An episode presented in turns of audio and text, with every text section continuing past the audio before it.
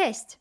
Ja nazywam się Sylwia Tomaszewska, a Ty słuchasz Ogarniam się podcastu, w którym opowiadam, jak ogarniam zdrowy styl życia, intuicyjne odżywianie, rozwój osobisty i dbanie o siebie. A to wszystko po to, by pomóc Ci uwierzyć we własne możliwości oraz zainspirować Cię do poprawy jakości Twojego życia. Aby nagrać ten odcinek, ostatnie kilka dni spędziłam na tym, aby szukać, co takiego odkryłam w 2022 roku, co mi się udało, żeby jakoś to wszystko podsumować, zebrać do kupy. No i chyba w końcu mi się udało. Zastanawiałam się, czy ten odcinek nagrać w takiej samej formie jak w zeszłym roku, czyli za pomocą jednego odcinka, podsumować 2022 rok i też podzielić się moimi celami na 2023, ale na Instagramie stwierdziliście, że lepszym pomysłem będzie nagranie dwóch odcinków i tak też zrobię. W tym zamiast takich samych konkretów, jak było to w odcinku z zeszłego roku, będą też bardziej moje refleksyjne przemyślenia i lekcje, których nauczył mnie ten rok. Natomiast za dwa tygodnie usłyszymy się w odcinku, w którym nie tylko podzielę się z Wami moimi celami, intencjami i planami na 2023, ale przede wszystkim będę chciała tam wpleść dużo praktycznej i merytorycznej wiedzy o tym, jak te nasze cele wyznaczać, osiągać, realizować. No bo tak nieskromnie powiem, że w tym roku udało mi się zrealizować ich zdecydowaną większość. A ten odcinek podzielę na takie dwa segmenty. Pierwszy z nich to będą nawyki, które wykształciłam, jakieś takie cele typu taski, które po prostu zrealizowałam, wypisałam, że chcę to zrobić, zrobiłam, mam odhaczone, no więc tym się z Wami podzielę. A druga część, myślę, że bardziej interesująca dla wielu z Was, będzie dotyczyła różnych lekcji, różnych wniosków i moich refleksji, które przyszły do mnie w 2022 roku. Jeśli chodzi o nawyki, które towarzyszyły mi w tym roku, które sprawiły, że ten rok był bardziej udany, lepszy, które sprawiły, że gdzieś tam zbliżam się do tych moich długofalowych celów i do tego, co chcę w życiu osiągnąć, do tego, aby być usatysfakcjonowanym ze swojego życia, do tego, aby cieszyć się każdym dniem, do tego, żeby po prostu mieć fajne, satysfakcjonujące, szczęśliwe życie. To pierwszym z nich był nawyk wprowadzony przeze mnie już w tamtym roku, ale w tym roku też go dalej kultywowałem i jest to poranek bez telefonu. Codziennie rano po wstaniu, pierwsze po co sięgam, to na pewno nie po telefon. Zazwyczaj jest to książka, ale nie zawsze.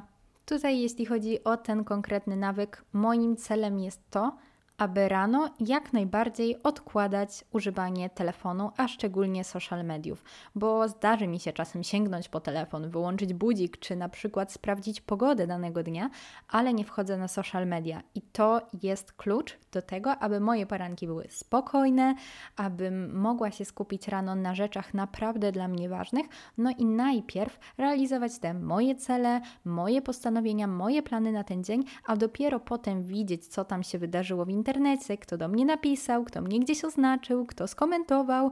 No i właśnie to jest taki nawyk, który pozwala mi to wszystko osiągnąć.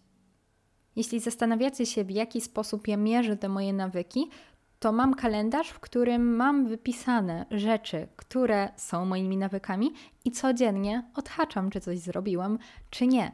I na początku 2022 roku moim celem było intuicyjne odżywianie. To był nawyk, który ja wprowadzałam. A może nie tyle nawyk, co sposób odżywiania, sposób życia, który chciałam gdzieś sobie odnotowywać. No, może kontrolować to jest złe słowo, ale chciałam widzieć, czy ja faktycznie robię w tym zakresie jakieś postępy, czy dalej zwracam na to uwagę, no bo wiedziałam, że to jest sposób żywienia, życia, lifestyle'u, który chcę prowadzić. Także moim celem w tym roku nie było schudnąć, nie było być na deficycie kalorycznym, tylko było to, aby zwrócić uwagę na to, aby słuchać swojego organizmu i odżywiać się intuicyjnie. I to każdego wieczoru na początku roku, gdzie jeszcze było to dla mnie dosyć nowe, sobie odhaczałam na tym etapie mojego życia, na którym jestem teraz i w tym momencie mojego życia, nie robię już tego, dlatego że po prostu stało się to moją codziennością. Potem ten nawyk jeszcze ewoluował i w moim kalendarzu celem, a raczej nawykiem, który codziennie sobie odhaczałam, nie było już intuicyjne odżywianie, tylko ciało życzliwość. I możecie się teraz zastanawiać, że kurczę, te cele to one nie są przecież zbytnio konkretne. Co to znaczy, że ciało życzliwość jest tym nawykiem? Co to znaczy, że intuicyjne odżywianie jest tym nawykiem? Kiedy ja będę wiedziała, że ten cel osiągnęłam, a kiedy stwierdzę, że nie, jednak tego dnia nie udało mi się jego zrealizować? I właśnie dla mnie bardzo ważne było to, że te cele nie były mocno skonkretyzowane. Oczywiście w momencie, gdy ja je wprowadzałam, miałam jakiś zamysł, co to znaczy, że danego dnia odżywiałam się intuicyjnie, albo co to znaczy, że danego dnia byłam życzliwa dla swojego ciała. Na kartce wypisałam sobie jakieś zachowania, jakieś sygnały świadczące o tym, że faktycznie ten cel danego dnia udało mi się zrealizować, ale z drugiej strony było to też dla mnie bardzo plastyczne. Ja po prostu siadałam każdego dnia i pytałam siebie: Sylwia, czy tego dnia udało Ci się zrealizować Twój cel? Czy zachowania, czy jakieś sytuacje związane właśnie z życzliwością do swojego ciała, czy z intuicyjnym odżywianiem przybliżyły Cię do tego, co Ty chcesz długofalowo osiągnąć? Jeśli nawet jednego dnia podwinęła mi się noga, ale miałam dużo innych sytuacji, gdzie jakoś ratowałam ten mój nawyk, gdzie wykazałam się tym, że okej, okay, jednak mi się udało, to wtedy odhaczałam. Jeśli się nie udało, jeśli danego dnia przerosło mnie to zadanie, no to nie odhaczałam. I w sumie to tyle w temacie. Nawyk, z którego jestem turbo, turbo, turbo dumna, to czytanie książek. W tym roku przeczytałam 26 książek, no i zaczęłam jakieś cztery, ale ich nie skończyłam. Po prostu zdecydowałam, że jednak tematyka albo sposób, w jaki są napisane, nie jest ze mną spójny w danym momencie. Nie podobała mi się dana książka, więc stwierdziłam, że po prostu nie będę się męczyła i czytała jej na siłę, tylko żeby skończyć i żeby odznaczyć ją na liście. Tylko rezygnowałam z jej dalszego czytania, bo życie jest za krótkie, żeby czytać słabe książki. Ale dlaczego jestem z niego dumna? Oczywiście o czytaniu książek mówiłam już niejednokrotnie, jak duży ma to wpływ pozytywny na moje życie, ile się z tego uczę, jak dużo narzędzi mi to daje, ale jest to jedyny nawyk, który w tym roku kultywowałam codziennie. I faktycznie przez 365 dni tego roku nie było ani dnia, w którym nie przeczytałam książki. Owszem, były dni, w których przeczytałam trzy zdania ale najważniejsze dla mnie jest to, że ja faktycznie wzięłam tą książkę w rękę, otworzyłam ją i nawet te trzy zdania przeczytałam. W końcu byłam już trzy zdania do przodu. Także tutaj jestem z siebie bardzo dumna, bo nieważne, czy byłam na wyjazdach, czy byłam w domu, czy miałam ciężki dzień, czy miałam luźny dzień, codziennie faktycznie czytałam książkę. A jak już jesteśmy przy temacie książek, to w zeszłym roku poleciłam Wam kilka tytułów, także i w tym kilka tytułów Wam polecę. I będzie to między innymi książka o tytule Dary Niedoskonałości Brené Brown, Siedem nawyków skutecznego działania Stevena Coeya, Obsesja piękna i Jedzenie intuicyjne. Tutaj nie chcę wymawiać i kaleczyć nazwisk autorek, także możecie sobie wpisać w Google, na pewno Wam wyskoczą te książki w tym roku najbardziej wpłynęły na moje myślenie, na moje życie i myślę, że mogę je tutaj z czystym sumieniem polecić, a po więcej książkowych inspiracji i polecajek zapraszam też na mojego Instagrama. Tam jest wyróżniona relacja z książkami, w której staram się wrzucać książki, jakiś krótki opis, ocenę em, właśnie pozycji, które przeczytałam. Nawykiem, który był w moim 2022 roku, jest też medytacja, ale niestety tutaj powiem Wam, że nie szła mi ona zbyt dobrze i trochę ona podupadła. Nie medytuję codziennie, a chciałabym. No nie wiem, nie wiem skąd to się bierze. W zeszłym roku też mówiłam, że chyba nie znalazłam jeszcze formy medytacji, która spełniałaby moje oczekiwania i byłaby dla mnie mm, dobra do utrzymywania na co dzień i naturalna do utrzymywania na co dzień. Także no, kolejny rok, w którym ta medytacja nie jest na najwyższym poziomie, ale jednak w moim życiu była obecna i myślę, że zdecydowaną większość roku jednak medytowałam, ale nie w każdy dzień. Myślę, że ta proporcja mogłaby być tak. Hmm, że 70-75% e, dni medytowałam, no a jednak te 30-25% były to dni bez medytacji, a szczególnie w tym ostatnim, czwartym kwartale roku, bo jeśli wiecie albo słuchaliście mojego odcinka o planowaniu kwartalnym, ja staram się mój rok jeszcze rozbijać na kwartały i w każdym kwartale um, robię sobie podsumowanie, no to w tym czwartym kwartale 2022 roku ta medytacja gdzieś tam jednak była na drugim planie. Kolejnym cudownym, wspaniałym i ogromnie wartościowym nawykiem jest prowadzenie wdzięczniczka. Codziennie siadam sobie w którymś momencie dnia, zazwyczaj jest to wieczór, ale czasem jest to poranek, czasem jest to w ciągu dnia, no i zapisuję sobie punkty, za co danego dnia jestem wdzięczna. Dzięki temu bardziej mogę się skupić na tu i teraz, bardziej mogę docenić to, co już mam, i pielęgnować wdzięczność. Jest to wartość, cecha, którą ja ogromnie cenię w sobie, ogromnie cenię w ludziach. Pisanie wdzięczniczka zdecydowanie pomaga mi tą wartość, tę cechę pielęgnować i praktykować. I dwa ostatnie nawyki, które są tak naprawdę owocem ostatnich dwóch kwartałów 2022 roku. Jedna zaczęła się w trzecim kwartale, druga rzecz zaczęła się w czwartym kwartale, no i ta, która zaczęła się wcześniej, to jest to kurs, który realizuję codziennie rano. Staram się usiąść i zrobić coś z kursu, który aktualnie przerabiam. No i jakoś mi się to udaje, raz lepiej, raz gorzej, ale staram się chociaż na chwilę do niego zasiąść i poświęcić temu co najmniej 10 minut. Czasami udaje mi się zrealizować godzinę tego kursu, e, czasami jest to mniej, czasami więcej, no ale jednak ten nawyk staram się regularnie wyrabiać i dla mnie to jest super, bo ja jestem osobą, która raczej nie należy do tego typu osób, które mogą usiąść i robić coś, załóżmy, ciurkiem 4 godziny.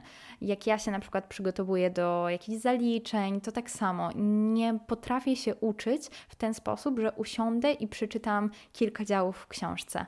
To jest dla mnie nierealne. Ja sobie tę dużą porcję wiedzy muszę rozbijać i wolę systematycznie do tego zasiadać. Tak się nawet zawsze mówiło, że systematyczna nauka to jest klucz do sukcesu i sprawia, że zapamiętujemy lepiej. No, u mnie faktycznie się to sprawdza i w momencie, w którym ja się nauczyłam dobrze operować w swoim życiu nawykami i faktycznie, jeśli chcę wprowadzić jakiś nawyk, to u mnie on jest trwały i no dobrze mi idą te nawyki w moim życiu, nie powiem, że nie, e, no to właśnie udaje mi się zasiąść do tej nauki czy do jakiejkolwiek innej czynności dużo wcześniej, i dzięki temu bez stresu, bez żadnej spiny przygotować się do danego zagadnienia albo realizować coś dzień po dniu, nie odczuwając jakichś ogromnych skutków danej rzeczy, bo na przykład czy ja czytam książkę, czy ja robię kurs, to są aktywności, które ja trzy lata temu marzyłabym, aby wykonywać, a to, że robiłabym to codziennie, byłoby dla mnie w ogóle nierealne. A teraz jestem na takim etapie, zarówno w tym moim rozwoju osobistym, jak i po prostu w kształtowaniu nawyków, że ja już tego nie odczuwam. Dla mnie to, że ja czytam książkę, jest zupełnie naturalne. To, że ja siadam rado do kursu, też jest dla mnie normalką. Raczej jak tego nie robię, to wtedy zapala mi się lampka w głowie, że oj, coś jest nie okej, okay, coś jest nie tak. Ale tak na co dzień, no to już się stało moją normalnością. A rzecz ostatnia, najświeższa, e, jest to prawo jazdy, bo teraz też codziennie mam taki cel, że robię sobie mm, testy i no, dosyć świeża sprawa, bo, bo zaczęłam robić prawo jazdy i w 2022 roku też, no, w momencie, gdy to słyszycie, wyjeździłam już 30 godzin i no, zaraz będę podchodziła w 2023 roku do egzaminów, także też teraz do tego się przygotowuję i przerabiam pytania z bazy jawnych pytań. I jeśli chodzi o nawyki, to by było na tyle. Czy dużo, czy mało? Nie wiem. Dla mnie wystarczająco, tak aby jednak się gdzieś tam rozwijać i doskonalić, ale tak, żeby mnie to nie obciążało. Ja też Wam mówiłam rok temu w podsumowaniu 2021 roku, choć nie wiem, czy chcecie słuchać tego odcinku podcastu, bo jakość wtedy i w ogóle sposób mojego wysławiania się, mojego mówienia i prowadzenia tego podcastu, a teraz to jest kolosalna różnica, ale do tego też przejdziemy, bo to też jest jedno z moich sukcesów i osiągnięć 2022 roku. Ale wracając do wątku, który otworzyłam, ja nie jestem osobą, która wyznacza sobie miliony celów, które musiałabym stawać na rzęsach, żeby je osiągnąć, i że tworzę sobie plany, e, których i tak nie będę w stanie zrealizować, a potem, potem się zadręczam, że jestem beznadziejna, bo, bo tego nie zrobiłam. Nie. Ja raczej mam takie luźne do tego podejście i staram się wprowadzać nawyki w moje życie, które mają mnie przybliżyć do jakiegoś celu, i to one powodują, że ja finalnie coś osiągam ale takich stricte celów raczej nie wyznaczam, jeśli wiem, że nie będę w stanie ich osiągnąć i jeśli wiem, że byłyby to cele, które tworzę na siłę, tak, że muszę mieć jakiś cel po prostu, bo, bo wszyscy mają, wszyscy robią te postanowienia noworoczne, tak, że ja też sobie wpiszę cokolwiek, byleby było. Nie. Ale faktycznie z takich rzeczy, które są policzalne i które chciałam tutaj w tym moim 2022 roku dopiąć, no to udały mi się, zaraz Wam powiem ile, na ile? Raz, dwa, trzy, cztery, pięć, sześć, siedem. Siedem na osiem rzeczy mi się udało. Także jestem bardzo zadowolona z wyniku, a jeśli chodzi o tą rzecz, której nie osiągnęłam, to też zaraz powiem Wam dlaczego. No, ale co takiego miałam tutaj zapisanego? Na kartce z celami 2022 roku, którego intencją było, że jest to rok edukacji i rozwoju biznesowego. Tutaj też ta intencja była na pewno kultywowana i bardzo pomogła mi nakierowywać się w danym kierunku i, i podejmować różne decyzje w moim życiu, które faktycznie były spójne z tą moją intencją danego roku. Więc jak czasem miałam dylemat, to właśnie sobie o tym przypominałam i ułatwiało mi to podejmowanie pewnych przedsięwzięć i, i po prostu angażowanie się w niektóre inicjatywy. Chciałam nagrać 24 odcinki podcastu. To się udało, no i nawet to przebiłam, bo nagrałam 36 odcinków. Liczyłam, że będą to 24, dlatego że chciałam odcinki podcastu publikować systematycznie co dwa tygodnie. No bo co dwa tygodnie nie jestem w stanie faktycznie systematycznie i regularnie um, to robić i tak rzetelnie się z tego wywiązywać, ale w takie moje wolniejsze miesiące w tym roku też robiłam odcinki co tydzień. Um, no także tutaj właśnie stąd się wzięła ta większa liczba nagranych odcinków. Zapisałam tutaj również iść na stand-up i byłam, byłam nawet na dwóch, w tym na jednym, na gali stand-upu byłam sama i to też było dla mnie takie przełomowe i fajne wydarzenie. Widziałam siebie na randeczkę właśnie na, na tę galę i super się bawiłam, mm, także polecam. Przeczytałam też w tym roku 50 stron książki po angielsku i niestety nie wypożyczyłam super książki i tak średnio, średnio mi podpasowała. Faktycznie nauczyłam się trochę słownictwa i konstrukcji zdań, no i jakby było to dla mnie poniekąd rozwijające doświadczenie i bardzo satysfakcjonujące, że rozumiem to, co czytam i rozumiem historię, że mogę czytać książki po angielsku, gdzie ten język, wiadomo, też jest trochę bardziej wysublimowany niż taki potoczny mówiony, ale po tych 50 chyba trzech stronach przeczytanych e, odłożyłam książkę na półkę, a raczej oddam ją do biblioteki. No i jeszcze do angielskich książek anglojęzycznych wrócę. Tylko muszą to być książki, które faktycznie lubię, bo ja jestem fanką książek poradnikowych, self-helpowych. No a tutaj czytałam sobie opowiadanie, więc nie do końca przypadło mi to do gustu.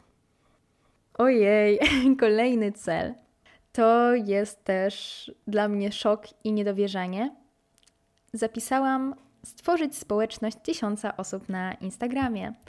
A w momencie, w którym to nagrywam i kiedy do Was mówię, jest nas dokładnie 7383 osoby, które obserwują podcastowy profil na Instagramie. Zapraszam, ogarniam się podłoga podcast. No i jest mi ogromnie miło, że zgromadziłam taką fajną społeczność i taką wspierającą społeczność. I naprawdę podcast to jest jeden z filarów, który najbardziej płynął na, na to, jak wyglądało całe moje życie, jak wyglądał mój rok 2022. Ale nie chcę się jeszcze nad tym rozwodzić, bo mam trochę przemyśleń w dalszej części, właśnie związanych z podcastem, i wtedy trochę, trochę więcej Wam powiem. Kolejne trzy rzeczy, które zaliczyłam, to tak na szybko pójść na lekcję jazdy konno, byłam, zaliczyć morsowanie, zaliczyłam i zacząć prawo jazdy zaczęłam. I ostatnia rzecz na liście, której nie udało mi się zrealizować, jest to wegański tydzień.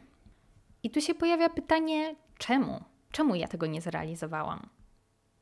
W sumie nawet miałam wakacje takie trzy dni, gdy jadłam faktycznie tylko wegańsko, ale wyszło to jakoś tak nieintencjonalnie. Mm, a powodem, dlaczego nie zrealizowałam tego tygodnia, było to, że nie do końca jest to zgodne z ideą intuicyjnego odżywiania i z tym, jak ja postrzegam intuicyjne odżywianie, jak ja uczę się jeść intuicyjnie. Wydaje mi się, że na tym etapie to jeszcze nie był dobry moment i po prostu miałam inne priorytety coś, coś dla mnie ważniejszego. Ten wegański tydzień myślę, że jeszcze kiedyś zrealizuję, bo ja jem bardzo dużo roślinnych zamienników. Jestem fanką wegetariańskich i wegańskich alternatyw. Często robię coś na przykład z tofu, albo też zamiast mięsa wolę ryby, więc to są takie rzeczy, które faktycznie gdzieś tam w moim życiu wprowadzam, ale jest to wyjście naprzeciw moim potrzebom, moim upodobaniom i, i, właśnie temu, czego moje ciało potrzebuje. A gdy mówi mi, że na przykład, nie wiem, potrzebuję nabiału i mam ochotę na nabiał, to po prostu to jem i nie widzę sensu na tym etapie mojego życia, aby z tego zrezygnować. Nie wykluczam, że kiedyś może przejdę na dietę wegetariańską albo wegańską, no ale na tym etapie mojego życia to jeszcze nie jest to. Jeszcze, żeby być tu tak z Wami w 100% uczciwa, to dodam, że oprócz tych celów, które Wam powiedziałam, miałam też kilka takich swoich osobistych, którymi nie chcę się tutaj dzielić, ale też tamtej dziedzinie, w której chciałam kilka tych moich celów osiągnąć. E, wszystko udało mi się zrealizować, także jestem bardzo, bardzo zadowolona i dumna z siebie w tym roku. I ta duma jest spowodowana nie tylko tym, że osiągnęłam jakieś tam swoje cele, zrealizowałam taski, które sobie założyłam, ale też generalnie pod kątem tego, jak bardzo zmieniłam się w tym roku, jak się rozwinęłam, ile osiągnęłam też rzeczy takich nienamacalnych, ale ile zmian w mojej głowie zaszło.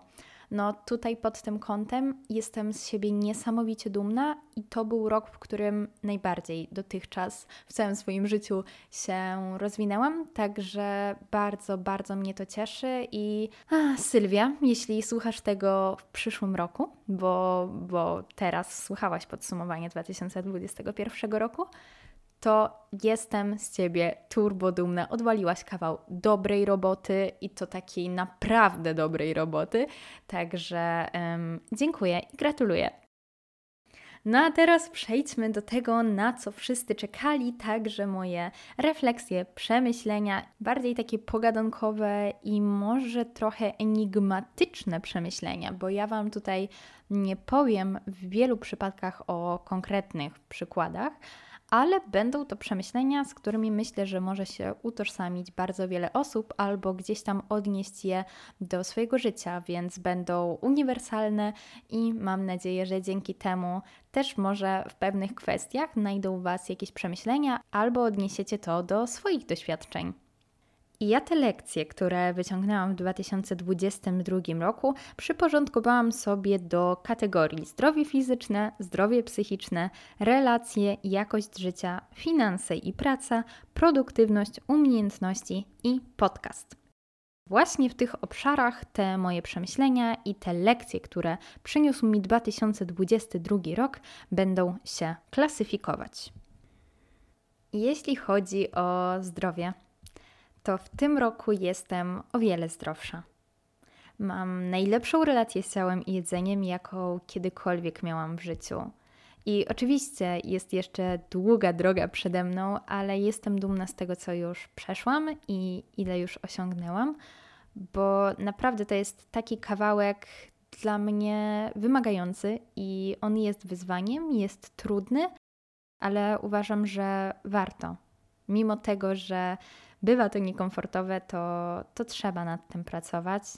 I, I, warto zmieniać to, co myślimy o sobie, o, o swoim ciele, jak do niego podchodzimy, jaką mamy relację z jedzeniem, no bo wiecie, bez jedzenia nie przeżyjemy i, i całe nasze życie tak naprawdę jemy. Także uważam, że fajnie by było mieć to wszystko przepracowane i czerpać z tego dużo radości, satysfakcji. W tym roku zdecydowanie ważniejsze było dla mnie to, jak się czuję, a nie jak wyglądam. Ćwiczyłam, bo lubię, jadłam to, co lubię i na co mam ochotę. Żadne z tych działań nie miało na celu zmiany wyglądu mojej sylwetki. I w ogóle też uświadomiłam sobie, że te najpiękniejsze rzeczy w moim życiu, rzeczy, które ja najbardziej cenię, ludzi, których najbardziej cenię, relacje i, i to wszystko, co jest esencją szczęścia w życiu, nie ma nic, nic wspólnego z tym, jak wygląda moje ciało. Zrozumiałam też, i to dosyć dobitnie, że do poprawy relacji z ciałem i jedzeniem, do zaopiekowania się swoim zdrowiem fizycznym, niezbędne jest też zdrowie psychiczne i nim równie mocno trzeba się zaopiekować. Uważam, że aby być zdrowym fizycznie i takim witalnym człowiekiem, niezbędne jest do tego poprawienie relacji z samym sobą, zwiększenie poczucia własnej wartości, pewności siebie. Problem siedzi dużo, dużo głębiej, a jedzenie i to, jak traktujemy swoje ciało, jest tak naprawdę objawem tego, co o sobie myślimy, no i tego, co przeżyliśmy. I jeśli ja chcę zadbać o siebie, zadbać o swoje zdrowie, to muszę też docenić siebie i zaopiekować się sobą. Nie być swoim katem, nie tylko od siebie dużo wymagać i, i być zdyscyplinowana i robić treningi, zdrowo się odżywiać, nie jest słodyczy, nie jest fast foodów, tylko właśnie doszłam do tego, że osoba, która kocha siebie, kocha i szanuje swoje ciało, nie będzie go głodziła, nie będzie go katowała treningami, nie będzie się zmuszała do robienia ciężkiego treningu, mimo że jest zmęczona po ciężkim dniu. Tylko osoba, która kocha siebie, nie będzie się zmuszała do aktywności fizycznej ponad jej siły, mimo że jest zmęczona po ciężkim dniu, tylko dlatego, żeby udowodnić sobie, że jest zdyscyplinowana i że potrafi i żeby w taki sposób zadbać o, o swoje ciało. No moim zdaniem to nie jest dbanie o swoje ciało, a szczególnie nie jest to dbanie o swoją psychikę, bo zarówno ciało, jak i głowa też potrzebują regeneracji i jeśli wysyłają sygnał w postaci zmęczenia, to osoba, która kocha swoje ciało, słucha go i nie katuje go, tylko daje mu ten odpoczynek, którego to ciało w danym momencie potrzebuje. A w temacie odpoczynku nauczyłam się, że jest on dla mnie dobry, a nuda sprawia, że włącza się moja kreatywność że czasem naprawdę dobrze zaplanować sobie kilka dni nic nie robienia, albo zaplanować maksymalnie jedną ważną dla nas i istotną rzecz w ciągu dnia, aby maksymalnie się jej poświęcić i to na niej się skupić. Do mnie najwięcej inspiracji, najwięcej pomysłów, przemyśleń przychodzi właśnie wtedy, gdy jestem wyspana, wypoczęta, gdy mam czas i nigdzie mi się nie spieszy, gdy się nie stresuję, nigdzie nie gonię, nie mam miliona rzeczy do zrobienia. I właśnie wtedy przychodzą do mnie te najbardziej wartościowe wnioski. Bo jeśli my zagłuszamy to wszystko, co się w nas dzieje, nie dajemy sobie czasu na przemyślenia, na to, żeby zauważyć pewne rzeczy, żeby je przemyśleć, to tak naprawdę odbieramy sobie szansę na weryfikację tych naszych myśli i na zmianę a odnośnie zmiany, nauczyłam się, że zmiana zaczyna się w głowie. Bo jeśli ty uważasz, że pieniądze są złe, trudno się je zarabia i że jeśli ktoś je ma, to na pewno jest nieuczciwy i kradnie, to nigdy nie będziesz bogaty. Jeśli uważasz, że będziesz szczęśliwy tylko wtedy, gdy zbudujesz masę mięśniową albo gdy schudniesz, to nigdy nie będziesz czerpał radości po prostu z życia, z każdego dnia, z procesu nawet dochodzenia do tych swoich celów. Albo jeśli uważasz, że nie jesteś warty uwagi, nie zasługujesz na miłość, na dobrą, zdrową relację i trzymasz się osoby, z którą teraz jesteś, bo, bo po prostu uważasz, że nie ma tam dla ciebie nikogo lepszego, że nikt cię tobą nie zainteresuje, no to nie wyjdziesz z toksycznego związku i tym samym odbierzesz sobie szansę na poznanie kogoś lepszego. Bez zmiany Twojego podejścia i przepracowania pewnych rzeczy w głowie, nic nie zmienisz. Tutaj widzę, że już mieszam kategorie, ale trudno. Idziemy, idziemy po prostu z flow. Zrozumiałam, jak ważne w życiu są zdrowe, budujące i wartościowe relacje, a jak obciążające i męczące mogą być te utrzymywane na siłę z ludźmi, od których nic już się nie uczysz i którzy wyciągają z ciebie więcej niż są w stanie ci dać. Ale może zatrzymujecie sentyment. Jest to powiedzenie, że z kim przystajesz, takim się stajesz, jest niesamowicie prawdziwe. W tym roku sama po sobie zobaczyłam, jak mocno na moje życie wpływają ludzie, którymi się otaczam. Dlatego w tym roku analizowałam też wszystkie moje relacje, zdałam sobie sprawę z tego, jak wiele z nich nie ma sensu i, mnie krzywdzi. No i się od nich odcięłam. Nie było to łatwe i myślę, że każdy z Was kiedyś przeżył coś takiego. No ale cóż, czas i energia, które dzięki temu zyskałam, poświęciłam na rozwój siebie i na relacje, na których mi naprawdę zależy i widzę, że są przyszłościowe. Bo okej, okay, może to nieco brutalnie zabrzmi, ale zarówno w biznesie, jak i w relacjach uważam, że szkoda czasu i energii na inwestycje, które się nie zwrócą. To jest poniekąd przykre, że ludzie, z którymi łączą cię najwspanialsze wspomnienia, nagle sami stają się wspomnieniem. I ja wiem, sama przez to przeszłam i to przeżyłam, że no nie jest to, to łatwe. Ale wiem też, że no jest to w porządku, jest to jak najbardziej naturalne. Po prostu w pewnym momencie nasze ścieżki idą w zupełnie inną stronę, zmieniają się nasze priorytety. Jest moment, w którym nadaje się na tych samych falach, ale potem może się to wszystko rozjechać i no to jest okej. Okay. No ja mam coś takiego, że nie chowam do nikogo urazy, nie palę za sobą mostów i po prostu w tym roku zrozumiałam, że zmiana jest częścią życia i ja się zmieniłam i, i ludzie się zmieniają i sytuacja się zmienia, okoliczności, więc naturalne jest to, że relacje też się zmieniają. Ja jestem przeogromnie wdzięczna za, za wszystkich ludzi, którzy, którzy gdzieś tam byli w moim życiu i których spotkałam, bo czegoś mnie nauczyli. Spędziłam z nimi często super momenty, będę miała piękne wspomnienia i ja jestem za wszystko wdzięczna, ale no nie rozpamiętuję też tego, że te relacje już się skończyły. Po prostu akceptuję to i idę dalej.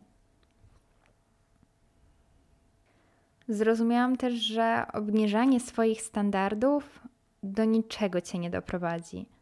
Trzeba znać swoją wartość, trzeba wymagać od siebie, ale trzeba też wymagać od innych. To my decydujemy, jakimi ludźmi się otaczamy. I ja na przykład zdecydowanie bardziej wolę być sama, niż otaczać się ludźmi, którym oddaję kawałek siebie, ale nie otrzymuję niczego w zamian, albo to, co otrzymuję, nie jest dla mnie wystarczające. Ludzie przychodzą, odchodzą, a tak naprawdę jedyną osobą, która zawsze jest przy tobie, jesteś ty sam. Więc najlepszą inwestycją i najlepszą relacją, którą warto budować, jest ta relacja z samym sobą. To, czego też na pewno ten rok mnie nauczył, to aby działać w zgodzie ze sobą, bo koniec końców, gdy zasypiasz wieczorem, jesteś ty sam ze swoimi myślami. I to ty bierzesz odpowiedzialność i ponosisz konsekwencje swoich czynów, wyborów czy decyzji. Nie rodzice, nie partner, nie znajomi, nie szef, tylko ty. I właśnie dzięki temu nauczyłam się żyć dla siebie, a nie dla innych. I w tym roku to, co Wam mówiłam, że byłam na tym stand-upie sama, no to to dla mnie było już takie osiągnięcie, że wow, ja sama siebie mogę zabrać na stand-up i iść gdzieś, a nie um, zdać się na łaskę albo niełaskę kogoś, kto mógłby ze mną iść. Byłam na kilku wspaniałych randkach samej ze sobą. Wzięłam książkę, poszłam do restauracji czy do kawiarni, kupiłam sobie coś, na co miałam ochotę, kupiłam sobie mój wymarzony pierścionek po prostu, bez okazji. I napisałam sobie nawet mega ładne i wzruszające życzenia od siebie dla siebie, bo nauczyłam się, że jestem naprawdę wartościowym człowiekiem. No bo to się tak mówi, że o, jesteś wartościowy, ale w tym roku naprawdę w to uwierzyłam i utwierdziłam się w tym przekonaniu, bo mimo tego, że ja zawsze robiłam gdzieś tam dużo dobrych i wartościowych rzeczy, to nigdy tak do końca nie czułam, jakbym faktycznie była, no nie wiem, godna miłości drugiego człowieka, żebym zasługowała, żebym zasługiwała na tak wspaniałych przyjaciół, czy na pieniądze, czy na fajne życie. I nawet gdy robiłam coś, o czym zawsze marzyłam, to ja nie czułam, jakbym była w odpowiednim miejscu. Gdy do czegoś doprowadziłam, na coś sobie zapracowałam, to ja nie czułam, jakbym na to zasługiwała. Czułam, jakbym była takim oszustem. No, syndrom oszusta mi się po prostu włączył. A w tym roku odpuściłam sobie trochę, no wszystkiego, tak? Odpuściłam sobie, odpuściłam perfekcjonizm, odpuściłam nadmierne zamartwianie się i overthinkowanie i po prostu pozwoliłam sobie na bycie człowiekiem, na docenienie siebie. Kolejna lekcja to to, że ja nie muszę osiągnąć czegoś konkretnego, czegoś wielkiego, żeby docenić siebie, bo moja wartość nie zależy od moich sukcesów, nie zależy od numerka na wadze, nie zależy od tego, ile mam znajomych, ile lajków na Instagramie, od tego, czy jestem singielką, czy jestem w związku. Nauczyłam się doceniać siebie po prostu za to, że jestem. Za to, że małymi kroczkami idę do swoich celów, za to, że jestem ważna dla, dla moich bliskich i że staram się być dobrym człowiekiem, że robię w swoim życiu jakiś progres. No, nauczyłam się doceniać siebie za to też, co już osiągnęłam i zobaczyć, jak długą drogę przeszłam, bo wydaje mi się, że no, często mamy tak, że myślimy, że okej, okay, nasze życie będzie fajne i wartościowe, jak osiągniemy to i tamto, ale gdy ten moment już nadchodzi, to nie potrafimy wcale tego docenić. Dlatego ja w 2022 roku, teraz siedząc przed mikrofonem i nagrywając ten odcinek, chcę sobie powiedzieć, że tak, Sylwia, jestem z siebie cholernie dumna. Bo to, co zrobiłam w tym roku, może dla kogoś być niczym i może być małe i nic nieznaczące, ale dla mnie te moje sukcesy są ogromne. I to właśnie dla mnie mają być one ogromne. Dla mnie to ma być duża zmiana, nie dla kogoś. Nie zarobiłam 100 tysięcy, nie schudłam 10 kilo, nie, nie byłam na Bali, nie osiągnęłam żadnego spektakularnego i widocznego sukcesu. Ale w tym roku w mojej głowie doszło do tak kolosalnej zmiany, że ja z tego jestem ogromnie dumna. I mimo tego, że jest to zmiana niewidoczna dla świata, zmiana, za którą nikt mi nie pogratuluje, to ja sama sobie gratuluję, bo tylko ja wiem, jak dużo osiągnęłam w tym roku pod tym kątem. W tym roku zobaczyłam też, jak bardzo doceniam wchodzenie właśnie w dorosłość, ten proces rozwoju i jak wartościowy, mimo że czasem trudny jest to dla mnie proces, ale ile satysfakcji potrafię z niego wyciągnąć. I okej, okay, może dla wielu osób w moim wieku nielogiczne będzie, że o, ja tu sobie tworzę jakiś podcast, myślę o, o nauce, o rozwoju, o edukacji, o prowadzeniu własnej działalności, no bo przecież jestem jeszcze młoda i powinnam się wybawić, chodzić co tydzień na imprezy, budzić się następnego dnia rano z kacem i tak dalej, i tak dalej. Ale kurde, no to nie jest moje życie. To nie jest coś, czego ja chcę to nie jest życie, które ja chcę przeżyć. I owszem, miałam namiastkę takiego życia, i właśnie wtedy utwierdziłam się w przekonaniu, że no to nie jest to.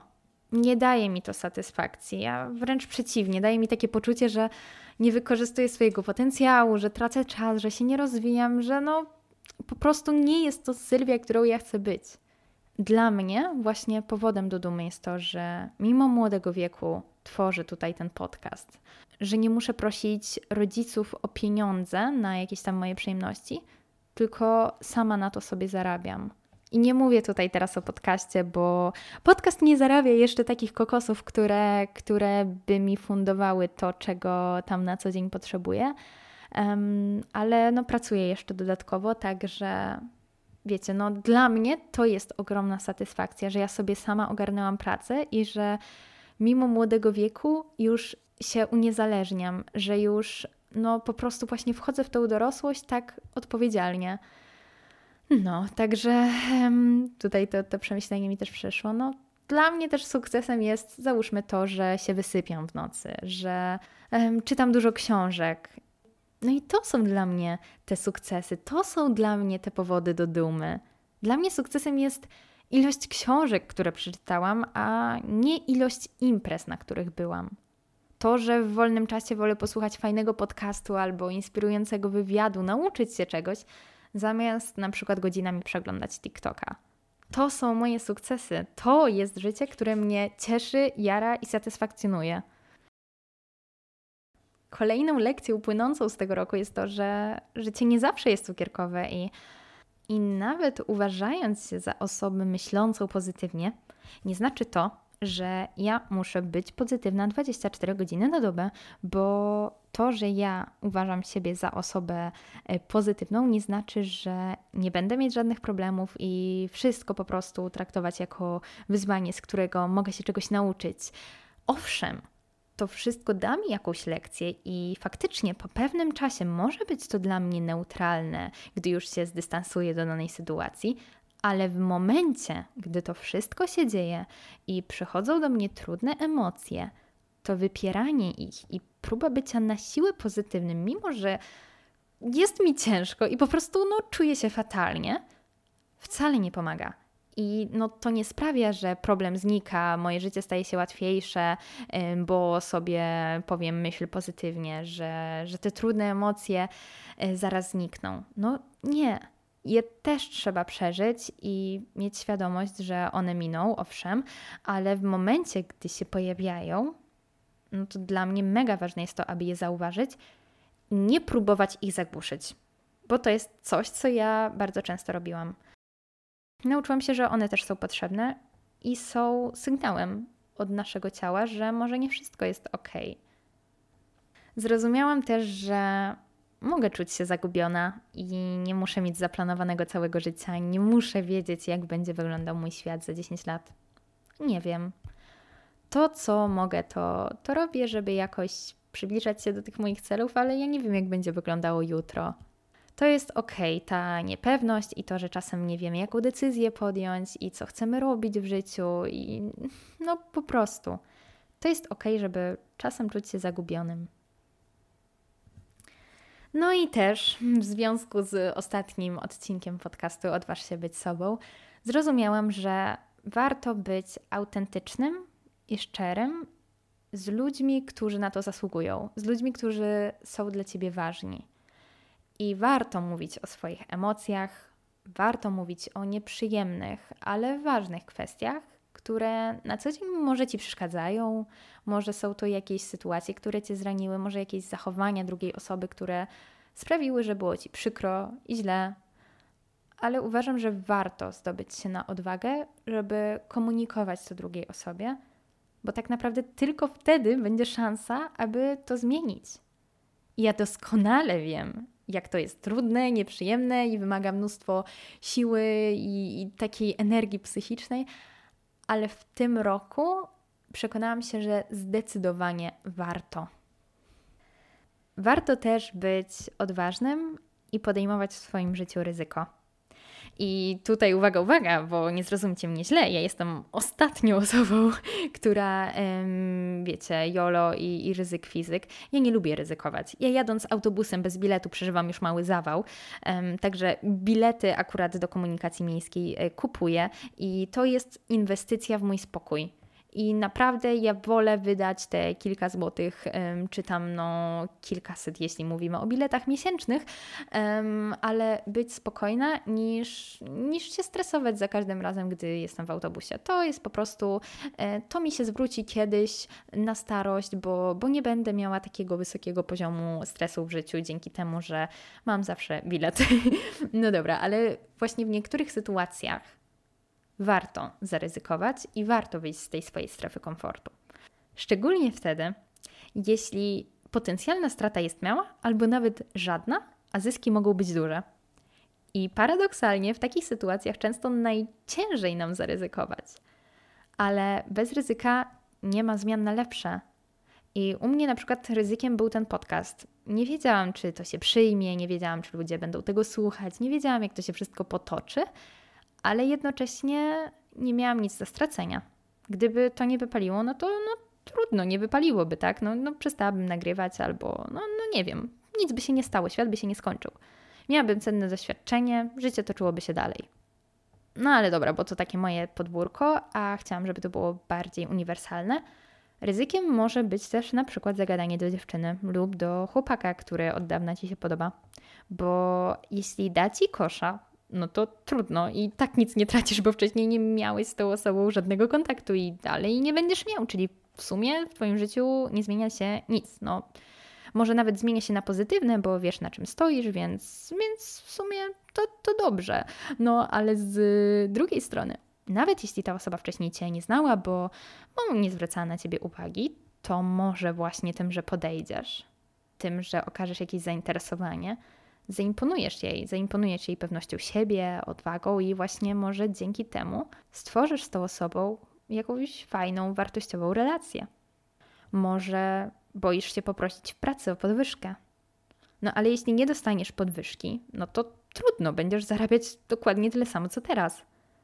Ale może właśnie dzięki temu, jeśli oczywiście dobrze się do tego przygotujesz i uargumentujesz, dlaczego powinieneś dostać podwyżkę, no to ją dostaniesz a jeśli faktycznie argumentujesz, no i w związku z zakresem Twoich kompetencji i obowiązków powinieneś zarabiać więcej, no to może będzie to jasny sygnał, że skoro nie dostałeś podwyżki, to trzeba szukać innej pracy. Dla mnie niesamowicie ważną taką życiową wartością jest zaradność. I ten rok pokazał mi, jak wiele jestem w stanie zrobić, jeśli mi na czymś zależy, jak wiele może zmienić moje dążenie do danego celu. Jak wiele rzeczy można osiągnąć, konsekwentnie realizując plan. Ten rok pokazał mi, że dorosłość to nie jest wiek. Dorosłość to jest moment, w którym bierzesz odpowiedzialność za swoje życie. Nie obwiniasz rodziców, nie zwalasz winy na okoliczności, nie obwiniasz wszystkich i wszystkiego wokół, tylko akceptujesz to, co już się wydarzyło i na co nie masz wpływu i zamiast się nad sobą użalać, skupiasz się na rzeczach, na które masz wpływ, no i z tym działasz. Poznałam też, do czego jestem zdolna, co mnie kręci, co lubię, a co mnie frustruje. Dużo takich lekcji na pewno wyciągnęłam, angażując się w różne działalności i stojąc na dosyć odpowiedzialnych stanowiskach. No i było to na pewno dla mnie momentami trudne i wymagające, i było przyczyną załamań i łez, ale koniec końców dużo, dużo się nauczyłam o ludziach, o innych, o sobie. Zobaczyłam, w czym się czuję dobrze i do czego jestem stworzona, co lubię robić, a czego nie lubię. I dla mnie to też jest bardzo wartościowa lekcja, czego ja w życiu nie chcę robić. No i właśnie przekonałam się też w tym roku, że niektóre moje decyzje mają wpływ na innych. To akurat nie była przyjemna lekcja, ale była dla mnie bardzo ważna w tym roku. Oczywiście to, że mam wpływ na innych, jest też pozytywne. Między innymi no, nagrywam ten podcast, dlatego że wiem, że mam jakiś wpływ na Was i że może Was on inspirować i pomagać ale no niestety też w tym roku dosyć boleśnie odczułam to, że niektóre moje działania mogą mieć wpływ na innych i czasami muszę brać odpowiedzialność już nie tylko za siebie, ale też za, za ludzi wokół. Nauczyłam się też, że dobrze radzę sobie w takich sytuacjach stresowych i strach mnie nie paraliżuje, tylko właśnie w takich momentach adrenalina powoduje, że szybko myślę i szukam skutecznych rozwiązań. W tym roku odpuściłam też mocno duże rzeczy. Relacje, które nie są dla mnie satysfakcjonujące, zmartwienia, perfekcjonizm przede wszystkim. I właśnie dzięki temu zrozumiałam, że nikt oprócz mnie nie oczekuje, bym była idealna. I jak dalej się na tym zastanowiłam, to zdałam sobie sprawę, że ja wcale nie chcę być idealna. Ja chcę być w życiu szczęśliwa. A tak się jakoś stało, że w mojej głowie utożsamiłam sobie, że szczęśliwa mogę być tylko wtedy, gdy będę nieskazitelna. No a w tym roku na pewno taką ważną lekcją było to, że właśnie ja nie muszę być najlepsza we wszystkim, co robię i że życie to nie jest konkurs. Możesz robić rzeczy tylko i wyłącznie dlatego, że sprawiają ci przyjemność. I na przykład to, że tańczysz, nie znaczy, że musisz zostać tancerką i tańczyć najlepiej na świecie. To, że malujesz, nie znaczy, że musisz zostać artystką i poświęcać czas tylko temu. Czasami warto robić rzeczy po prostu dla radości ich robienia, bez spiny bez presji, aby stawać się w nich najlepszym. No bo właśnie wtedy ta presja powoduje, że cała magia i przyjemność płynąca z danego doświadczenia może zniknąć. I kolejną nauką jest to, że koniec może być nowym początkiem. Ja w tym roku zrezygnowałam z siatkówki, którą trenowałam praktycznie całe swoje życie. I no, była to dla mnie duża zmiana, ale dało mi to też przestrzeń na nowe. No teraz na przykład jeśli chodzi o ten aspekt, który daje mi sport, no to zastępuję sobie siatkówkę tym, że chodzę na siłownię, że tańczę czy że trenuję w domu i to jest też ok i daje mi to dużo frajdy, radości i satysfakcji. Kolejną lekcją jest to, że zobaczyłam na jak wiele mnie stać i jak wiele jestem w stanie ogarnąć. Dla mnie nie ma nic piękniejszego niż przekonanie, że niezależnie w jakiej sytuacji się znajdę, to sobie poradzę. I naprawdę głęboko w to wierzę, że niezależnie co stanie na mojej drodze, to najwyraźniej tak miało być i najwyraźniej ja jestem w stanie sobie z tym poradzić. I mnie spotkało w tym roku bardzo dużo trudnych i wymagających sytuacji, ale koniec końców, mimo tego, że nie były one łatwe, to odrobiłam swoje zadanie domowe i momentami, owszem, było mi bardzo ciężko, ale dały mi też one siłę i pokazały, że stać mnie na dużo, dużo więcej. No i dzięki temu zaczęłam się też zastanawiać, jak ja chcę żyć i co ja chcę robić, a nie co inni sobie o mnie pomyślą, czy czego by ode mnie oczekiwali zrozumiałam, że moją rolą nie jest spełnianie oczekiwań innych osób, bo ich oczekiwania wobec ciebie to jest ich problem, a nie twój. A co za tym idzie? 2022 rok nauczył mnie też, że nie warto przejmować się opinią ludzi, którzy nic nie zmienią w Twoim życiu. Często pytacie mnie, no jak nie przejmować się opinią innych ludzi, jak przestać się martwić tym, co inni sobie o mnie pomyślą. Po pierwsze, mam już na ten temat odcinek, a po drugie, może masz czasem takie myśli, które powstrzymują cię przed zrobieniem czegoś, bo obawiasz się, co sobie pomyśli sąsiad, wujka, psa, cioci, babci. Odpowiedz sobie szczerze na pytanie, czy jego opinia cokolwiek zmienia w Twoim życiu? Czy cokolwiek zmienia w Twojej codzienności? Czy chcesz, aby czyjeś zdanie do tego tak mało znaczącej osoby powstrzymywały cię przed życiem takim, jakie ty chcesz prowadzić. Ja w tym roku zobaczyłam, jak niewiele ludzi tak naprawdę ma realny wpływ na moje życie i na to, jak wygląda moja codzienność. Reszta to osoby, które, owszem, no gdzieś tam sobie są, ale tak naprawdę moje szczęście jest ostatnim, co by je interesowało.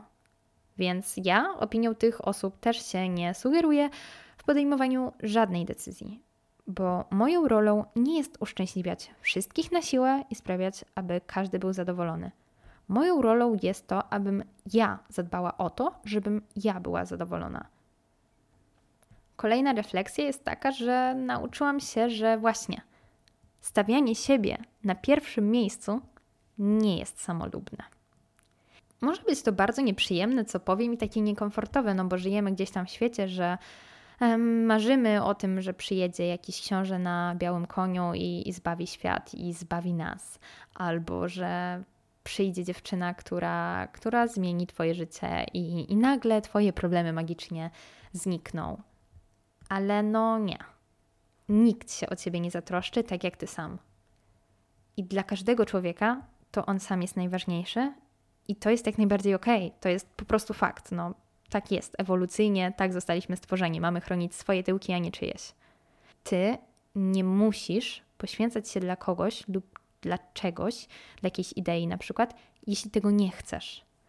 Podjęcie innej decyzji niż oczekuje od ciebie ktoś, ale w zgodzie ze sobą, a nie z tym, czego oczekują od ciebie inni, nie jest samolubne dopóki ta decyzja nie krzywdzi innych i, i, ma to wpływ tylko na ciebie, na twoje życie i ty będziesz ponosić tego konsekwencje, to jedyną osobą, której zdaniem powinieneś się przejmować, jesteś ty. Ważną lekcją jest to, że warto sobie pozwolić na niedoskonałość, aby pozwolić sobie czasem pomóc, aby właśnie czasem posłuchać tych osób, których zdanie jest dla nas ważne, aby pozwolić sobie też czasem na słabość, na wrażliwość, na bycie sobą, aby pozwolić sobie też na to, aby niektóre rzeczy odpuścić. Pamiętajmy o tym, że też jesteśmy po prostu ludźmi. No więc, więc tutaj wiem, że ciężko znaleźć balans, ale trzeba go gdzieś tam szukać. Raz w jedną, raz w drugą stronę, aż w końcu będzie dobrze tym roku zrozumiałam też, jak ważną wartością jest dla mnie rodzina. I to jest niby taka błahostka, no dla wielu osób to pewnie będzie taki truizm, ale no na pewnym etapie życia gdzieś przychodzi taki okres, że rodzina staje się kulą u nogi. Najczęściej to jest w wieku nastoletnim.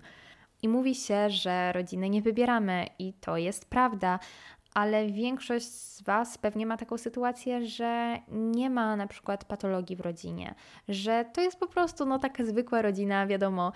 Mieszkacie pod jednym dachem, każdy może mieć inny pomysł na swoje życie, inny światopogląd. No, łączy Was też jakaś historia, jakaś przeszłość, zarówno te dobre, jak i złe chwile. No, ale w jakim stopniu jesteście od siebie uzależnieni, zarówno jeśli chodzi o aspekty ekonomiczne, jak i o zależność emocjonalną. No ale rodzina to też są ludzie. I skoro skupiamy się na budowaniu dobrych relacji ze znajomymi, na tej komunikacji, na budowaniu dobrych związków, to dlaczego nie zrobimy tego samego z rodziną? U mnie w tym roku bardzo dużą uwagę przykładałam do tego, aby dbać o te relacje i aby faktycznie je budować w bardziej taki dojrzały i asertywny sposób.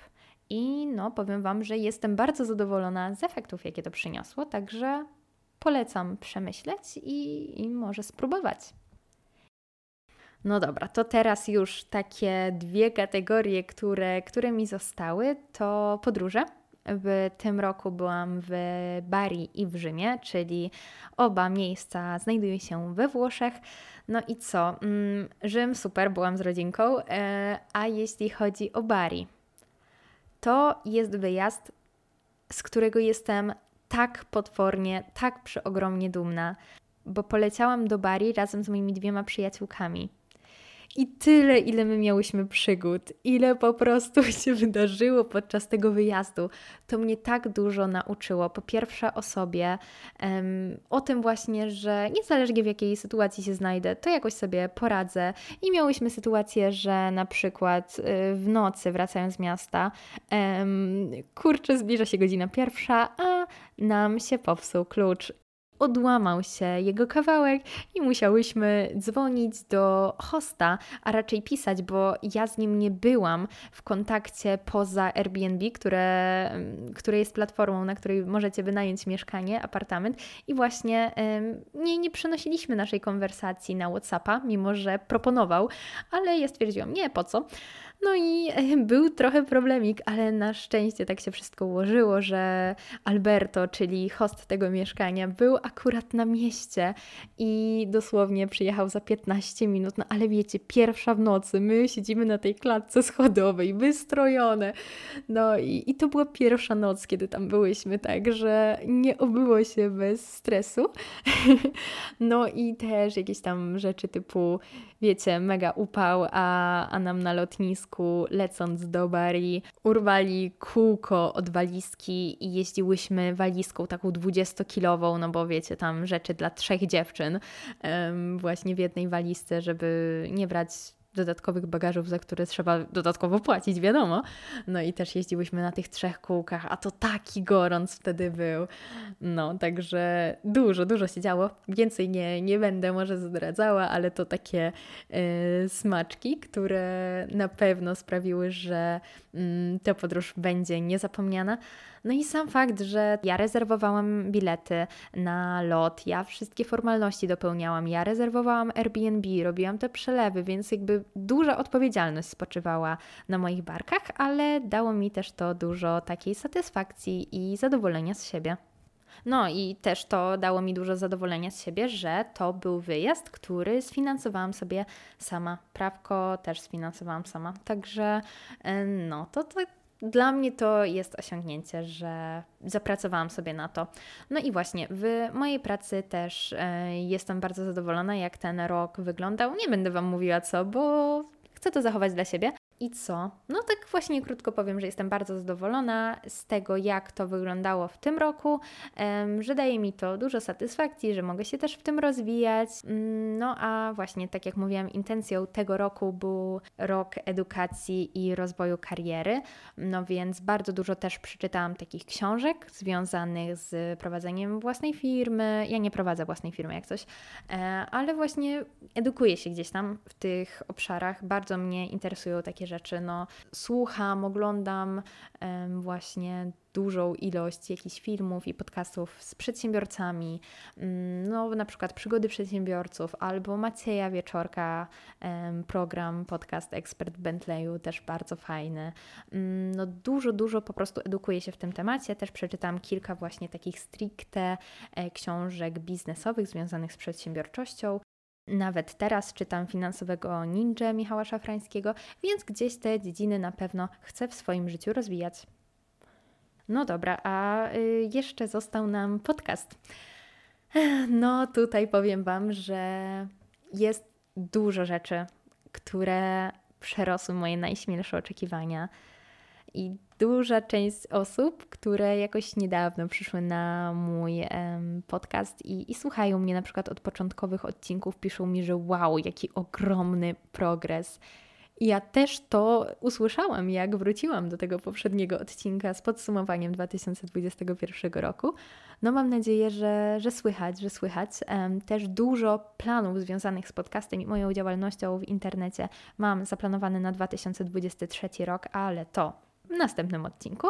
No a tutaj też jestem dumna z takich rzeczy e, typu moje podejście do współpracy, że nie łapię się wszystkiego, co przychodzi na mojego maila, bo właśnie to też jest coś, czego się nie spodziewałam, że w pierwszym roku działalności podcastu będę miała jakieś propozycje współpracy.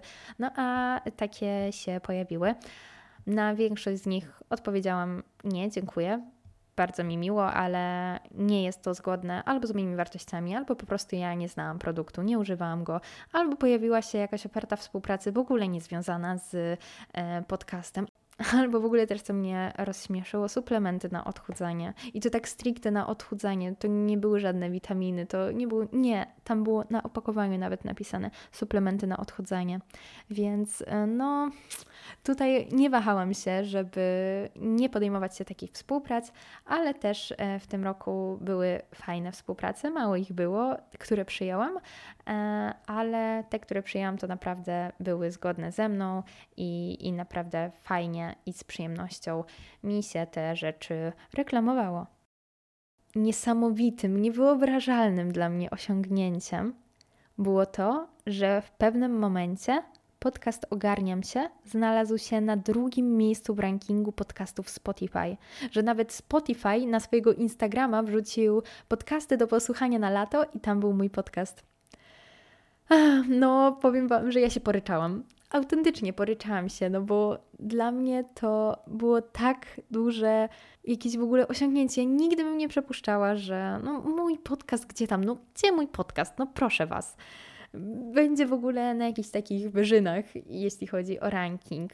I no wiecie, to niby nic, ja nic z tego nie mam, że, że ten podcast jest w tym rankingu. Z podcastu nie zarabiam też tak jak z YouTube'a się zarabia, że na przykład tam no, można monetyzować reklamy, bo no tutaj to tak nie działa, ale kurczę, no sama ta świadomość tego i to, że tak się podoba Wam ten podcast, to, to dla mnie było niesamowite, że moje przesłanie może być dla kogoś tak ważne i wartościowe. Nawet teraz, jakby mi piszecie, że podcast jest fajny i, i wartościowy, i w ogóle każdą, każdą wiadomość, nawet nie wiecie, jak doceniam, i to jest dla mnie magiczne. Ja bardzo często robię też screeny tych wiadomości i wrzucam na, na profil, w sensie na relacje, a potem dodaję sobie do wyróżnionych, dlatego że czasem jak mam takie gorsze momenty zwątpienia, po prostu sobie do tego wracam, żeby utwierdzać się w przekonaniu, że to, co robię, jest dobre, ważne i potrzebne i że Sylwia, idziemy w to. Zauważyłam, że gdy robisz coś z pasją i z takim poczuciem misji, to też nieważne ile pracy i czasu w to wkładasz, bo i tak przynosi ci to radość i dodaje energii. I ja tak właśnie mam z podcastem. I jak sobie obliczyłam, ile mniej więcej czasu zajmuje mi tworzenie podcastu i kontentu, no to to jest pół etatu.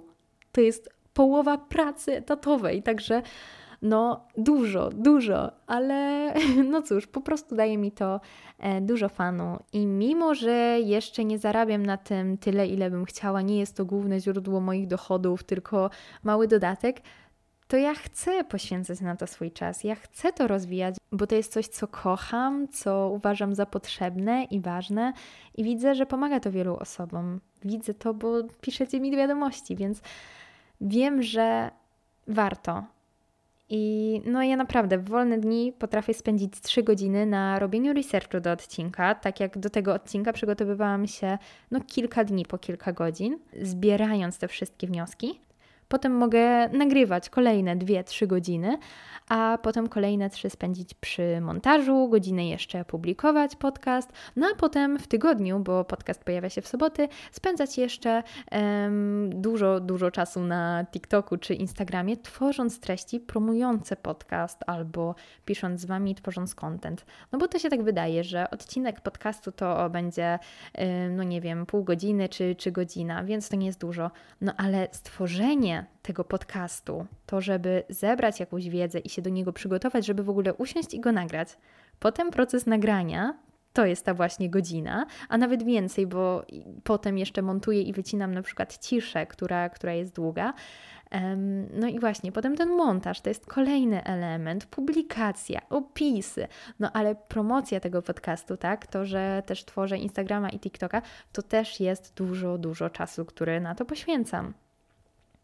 I też nauczyłam się, że nie muszę wiedzieć wszystkiego, aby dzielić się tym, co już wiem. I moje doświadczenia, moje przemyślenia i moja chęć do dzielenia się swoją podróżą to wystarczający powód, by robić to, co robię. I ja wiem, że ja nigdy nie będę ekspertem od cudzego życia i od cudzych problemów. Nigdy nie będę ekspertem, który nauczy cię, jak żyć. No bo Nikt nie ma takich kompetencji. Nawet najlepsi psychologowie i psychoterapeuci. Oni nie powiedzą ci, jak żyć, oni też tego nie wiedzą. Ale mogę być ekspertem od własnego życia i nikt nie może podważyć moich osobistych doświadczeń, którymi dzielę się w odcinkach.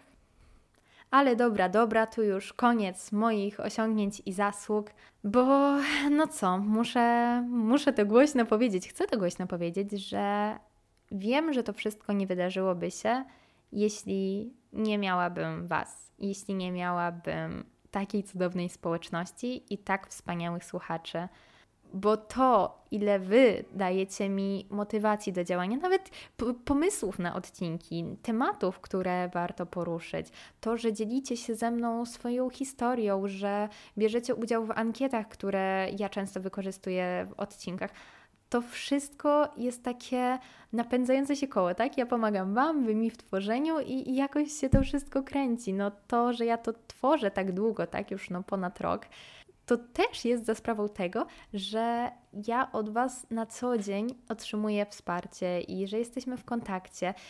I ja wiem, jestem przekonana, że na przykład gdybym znalazła się kiedyś w jakiejś patowej sytuacji, była gdzieś w jakimś Poznaniu albo w Wrocławiu, czy nawet w Bari, bo ostatnio jedna słuchaczka mi, mi napisała, że tam mieszka, a ja byłam w tym roku w Bari, pozdrawiam serdecznie, no to istnieje duża szansa, że ktoś by się do mnie odezwał i pomógł. Także wiecie, jak będę kiedyś w innym mieście albo na drugim końcu świata, mam nadzieję, że będzie tam jakiś cudowny słuchacz bądź słuchaczka, ogarniam się podcastu, spotkamy się na kawę i pomożecie mi w tym nowym dla mnie miejscu. No, ale dobra. Odpływam już. Rozkręciłam się bardzo, nagrywając ten odcinek. No ale to był kurczę dobry rok i jestem z niego zadowolona. Raczej jestem typem człowieka, który jak coś sobie wspomina, to raczej te pozytywy, a nie negatywy, więc wiadomo, było kilka cięższych momentów, ale było też dużo, dużo tych wspaniałych. No i tak na koniec jeszcze dodam, że drogi słuchaczu, droga słuchaczko, Dziękuję, że byłeś częścią mojego 2022 roku. Słyszymy się w następnym odcinku. Do usłyszenia. Cześć.